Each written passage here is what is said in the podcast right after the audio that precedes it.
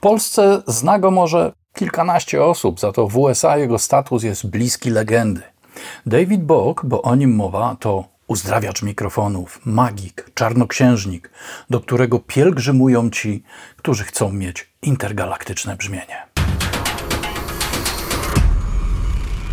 Tomasz Wróblewski, 0db.pl. Co tydzień znajdziesz tu nowe testy, porady i prezentacje z zakresu produkcji muzycznej i pro-audio, a także felietony bez kompresji i dekonstrukcje znanych utworów. Jak wiecie, bardzo lubię testować nowe mikrofony, mając pełną świadomość faktu, że w ich przypadku nie ma powtarzalności wrażeń. To, co spodoba się w jednej sytuacji, w innej już niekoniecznie, choć nie ma wątpliwości, że dobry mikrofon niemal zawsze będzie po prostu dobrym mikrofonem. Czy takim okaże się Universal Audio BOK 187? Zapraszam.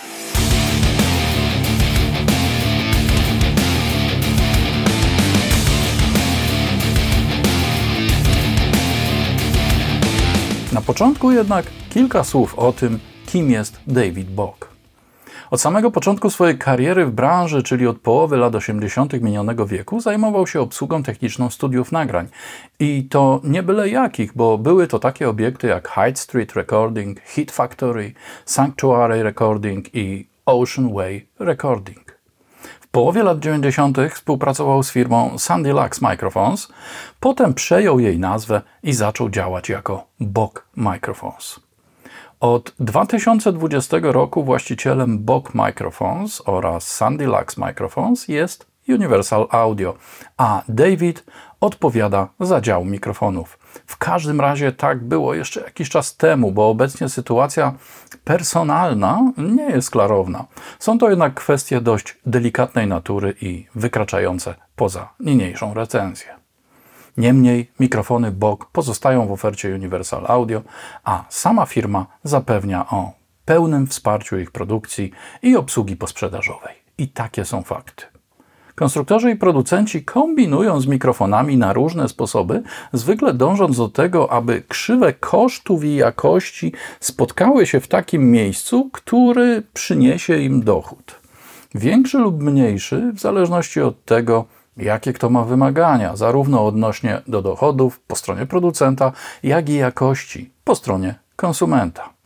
I choćby nie wiem, jak kombinowali, to na końcu zwykle się okazuje, że wszystko najlepsze w mikrofonach już wymyślono. Teraz to się tylko optymalizuje i ulepsza, albo stara się zrobić taniej. Sercem mikrofonu pojemnościowego jest kapsuła. W przypadku klasycznych mikrofonów wielkomembranowych wyposażona w dwie membrany, w tym jedną aktywną. Może się wydawać prostą konstrukcją. W istocie jest. Tyle tylko, że kombinacji takich zmiennych jak rezonans własny membrany oraz konstrukcja elektrody stałej są miliony, a każda da inny efekt soniczny. Tu nie ma gotowych wzorców i nawet zrobienie kopii jakiegoś klasyka nie jest żadną gwarancją uzyskania takiego samego rezultatu brzmieniowego.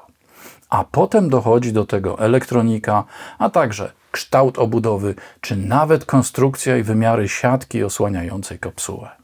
Dlatego nie jest tak, jak myślą niektórzy, że kosztujący 100 dolarów mikrofon dostępny na jakimś chińskim serwisie handlowym jest dokładnie tym samym, co podobnie wyglądający, ale kosztujący kilka lub kilkanaście tysięcy złotych. Owszem, jest w tym wszystkim trochę tak zwanych kosztów reprezentacyjnych, opłaty za markę i wpisowe do ekskluzywnego klubu posiadaczy. Ale główna różnica to wiele lat doświadczeń, eksperymentów, rozmów z użytkownikami, potężny zasób wiedzy i stały adres siedziby producenta. Na rynku jest wystarczająco dużo całkiem przyzwoitych mikrofonów za naprawdę atrakcyjną cenę, by osoby, których szokuje cena ponad 6000 zł za tego oto Boka 187, miały w czym wybierać. Trzeba popracować z mikrofonami kilka lat, by zacząć je lepiej rozumieć. Ten mikrofon nie sprawi, że wasze nagrania będą dziesięciokrotnie lepsze niż dokonane mikrofonem za 600 zł. Podejrzewam, że nie będą nawet dwukrotnie lepsze, jeśli taki mnożnik da się zastosować do jakości dźwięku. A czy w ogóle będą lepsze? Odpowiem w sposób klasyczny i wcale nie wymijający. To zależy. Mikrofony BOK powstają w Kalifornii i są budowane ręcznie, przynajmniej w jakimś zakresie. Są efektem doświadczeń Davida Boka, który należy do wąskiej grupy osób wiedzących o mikrofonach wszystko albo jeszcze więcej powie Wam o rezonansach membrany, na które wpływ ma jakieś 100 różnych czynników, zasadach projektowania komory akustycznej elektrody stałej, wpływie cienia akustycznego osłony na kierunkowość, rozmyciu transientów w kontekście oddziaływania prędkościowego i ciśnieniowego na membranę pod kątem innym niż 90 stopni i paru innych kwestiach, których implementacją różnią się mikrofony przypadkowe od przemyślanych. No, więc on to wszystko wie i umie zastosować w praktyce. A jeśli ktoś tego nie wie i nie umie, to musi za to zapłacić, jeśli chce z tego skorzystać. Zdaje się, że tak działa ten świat. Bok 187 to mikrofon wielkomembranowy z jedną nerkową charakterystyką kierunkową, oparty na układzie FET i transformatorowym wyjściu. Jednocalowa kapsuła typu K67 z centralnym wyprowadzeniem osadzona jest na elastycznym wsporniku. Elektronika zbudowana jest w całości na elementach przewlekanych, a zastosowany transformator, wyjątkowo duży jak na mikrofon, pochodzi z firmy Cinemac. Cały korpus jest ciężki, solidny i malowany proszkowo na bardzo efektowny kolor, od razu zwracający uwagę. Mamy trzy przełączniki, wszystkie raczej trudno dostępne i wymagające małego, płaskiego wkrętaka.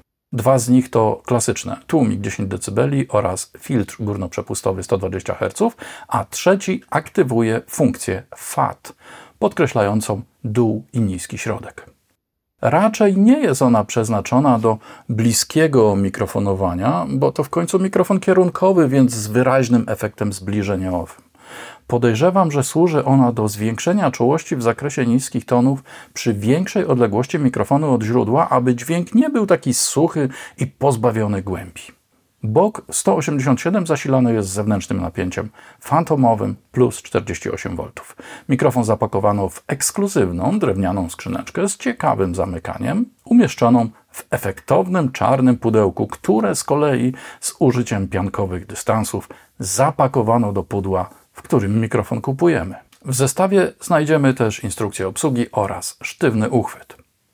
Czułość mikrofonu jest niewielka jak na przyjęte standardy i wynosi raptem 8 mV na pascal, przynajmniej na papierze, bo w praktyce nie daje się tego odczuć.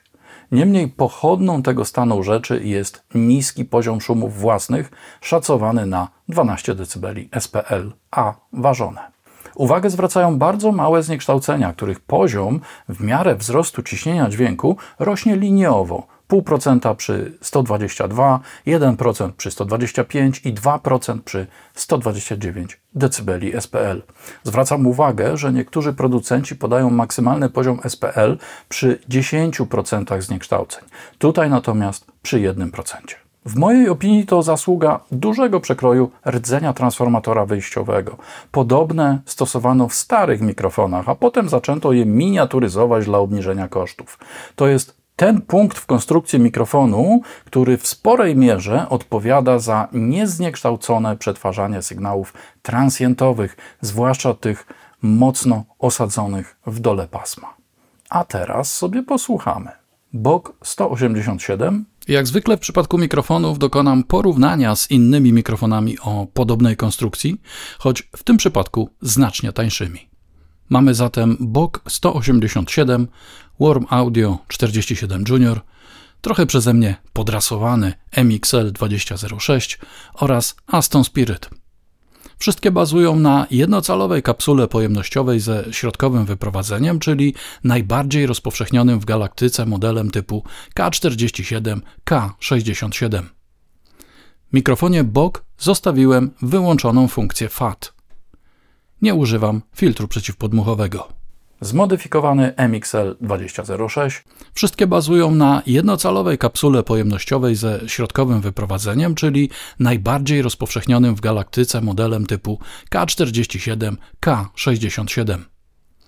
W mikrofonie BOK zostawiłem wyłączoną funkcję FAT. Nie używam filtru przeciwpodmuchowego. Aston Spirit. Wszystkie bazują na jednocalowej kapsule pojemnościowej ze środkowym wyprowadzeniem, czyli najbardziej rozpowszechnionym w galaktyce modelem typu K47K67. W mikrofonie BOK zostawiłem wyłączoną funkcję FAT. Nie używam filtru przeciwpodmuchowego. Worm Audio WA47 Junior. Wszystkie bazują na jednocalowej kapsule pojemnościowej ze środkowym wyprowadzeniem, czyli najbardziej rozpowszechnionym w galaktyce modelem typu K47K67. W mikrofonie BOK zostawiłem wyłączoną funkcję FAT. Nie używam filtru przeciwpodmuchowego. BOK 187. A teraz ten sam zestaw mikrofonów, ale z odległości 1 metra. W takim przypadku w brzmieniu mikrofonów kierunkowych przestaje mieć znaczenie efekt zbliżeniowy, skutkujący uwypukleniem niskich tonów. Dlatego w mikrofonie BOK 187 włączyłem funkcję FAT, która w sporej mierze ten stan rzeczy kompensuje. Zmodyfikowany MXL 2006, skutkujący uwypukleniem niskich tonów. Dlatego w mikrofonie BOK 187 włączyłem funkcję FAT, która w sporej mierze ten stan rzeczy kompensuje. Aston Spirit. Skutkujący uwypukleniem niskich tonów. Dlatego w mikrofonie BOK 187 włączyłem funkcję FAT, która w sporej mierze ten stan rzeczy kompensuje. Warm Audio WA47 Junior. Skutkujący uwypukleniem niskich tonów. Dlatego w mikrofonie BOK 187 włączyłem funkcję FAT, która w sporej mierze ten stan rzeczy kompensuje. I jeszcze mały test polegający na miętoszeniu foliowego woreczka z narzędziami, bardzo dużo mówiący na temat reprodukcji dźwięków transjentowych, szumowych i najwyższych częstotliwości.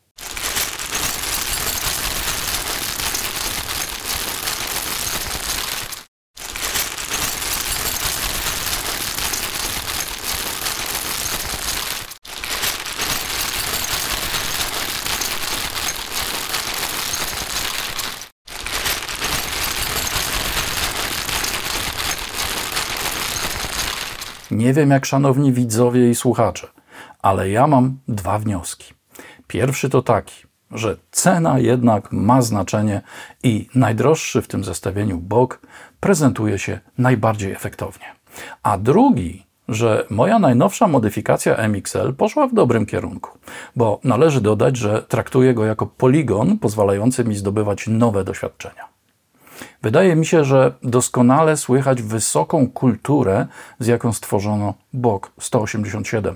Brzmienie jest jednocześnie bardzo otwarte, ciepłe, precyzyjne i zrównoważone, a różnice między mikrofonem Universal Audio a miękkim Warm Audio oraz wyrazistym Aston Spirit są słyszalne. Skutkujący uwypukleniem niskich tonów, skutkujący uwypukleniem niskich tonów, skutkujący uwypukleniem niskich tonów, skutkujący uwypukleniem niskich tonów. Muszę jednak zaznaczyć, że takie porównania mają charakter wyłącznie poglądowy, orientacyjny, a ostateczna ocena mikrofonu wymaga wielu nagrań i stosowania w różnych konfiguracjach.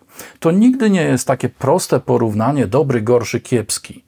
Zaletą takiego zestawienia jest natomiast to, że wszystkie mikrofony pracują w mało komfortowych dla siebie warunkach, z dużymi obiektami oddziałującymi na dźwięk i mogącymi zdeformować brzmienie. Zobaczmy jeszcze, jak wyglądają uśrednione charakterystyki nagrywanego dźwięku, w tym wypadku mojego głosu, będące sumaryczną krzywą najwyższych poziomów sygnału dla poszczególnych częstotliwości. To nie są charakterystyki mikrofonów, ale coś w rodzaju porównania reakcji każdego z nich na różne pasma.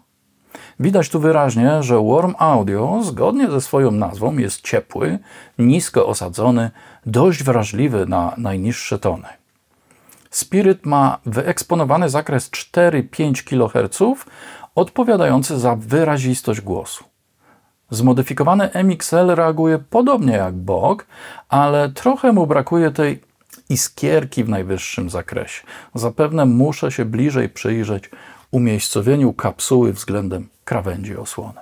Nie mam żadnych wątpliwości, że BOG 187 to wysokiej klasy profesjonalny mikrofon do zastosowań uniwersalnych może pracować zarówno w bezpośredniej odległości od źródła, jak i przy dalszych ujęciach, w przypadku których będzie możliwość wykorzystania jego funkcji FAT. Dźwięk brzmi wówczas pełniej niż przy użyciu innych mikrofonów, na ogół projektowanych tak, by uzyskać optymalną równowagę przy bliskim omikrofonowaniu. Od czasów, gdy takie wykorzystanie mikrofonów, czyli blisko źródła, stało się codziennością, a do lat 60. minionego wieku wcale tak nie było, efekt zbliżeniowy w mikrofonach kierunkowych to rzecz traktowana trochę jako ciekawostka, choć w klasycznych mikrofonach z dawnych czasów był jednym z najistotniejszych składników brzmienia. David Bog wielokrotnie zwracał uwagę na tę właśnie kwestię, czego konsekwencją jest obecność funkcji FAT i masywnego transformatora wyjściowego. W mojej opinii to jeden z tych czynników, oczywiście oprócz najwyższej jakości wykonania i doskonałego brzmienia, który przemawia na korzyść BOG 187. To nie jest któryś kolejny klon klasyka, ale głęboko przemyślana i poparta olbrzymim doświadczeniem konstrukcja, która powinna zainteresować profesjonalistów. Zupełnie oddzielną kwestią jest tutaj kolor mikrofonu. Jedni go nienawidzą, a inni uwielbiają. Mi on w niczym nie przeszkadza, a przy okazji wprowadza element oryginalności. Jeśli ktoś chce bliżej się przysłuchać prezentowanemu tu porównaniu, to w opisie poniżej znajdziecie odnośnik do pobrania plików WAVE. Wszystkie materiały po nagraniu zostały zoptymalizowane fazowo filtrem wszechprzepustowym i ustawione na minus 14 lufs pod względem głośności odczuwalnej za pomocą narzędzia Loudness Control z Isotope RX10. W całym procesie nie stosowałem żadnej korekcji ani kompresji. Aha, podczas ich słuchania pamiętajcie, aby trzymać się 0 dB. PL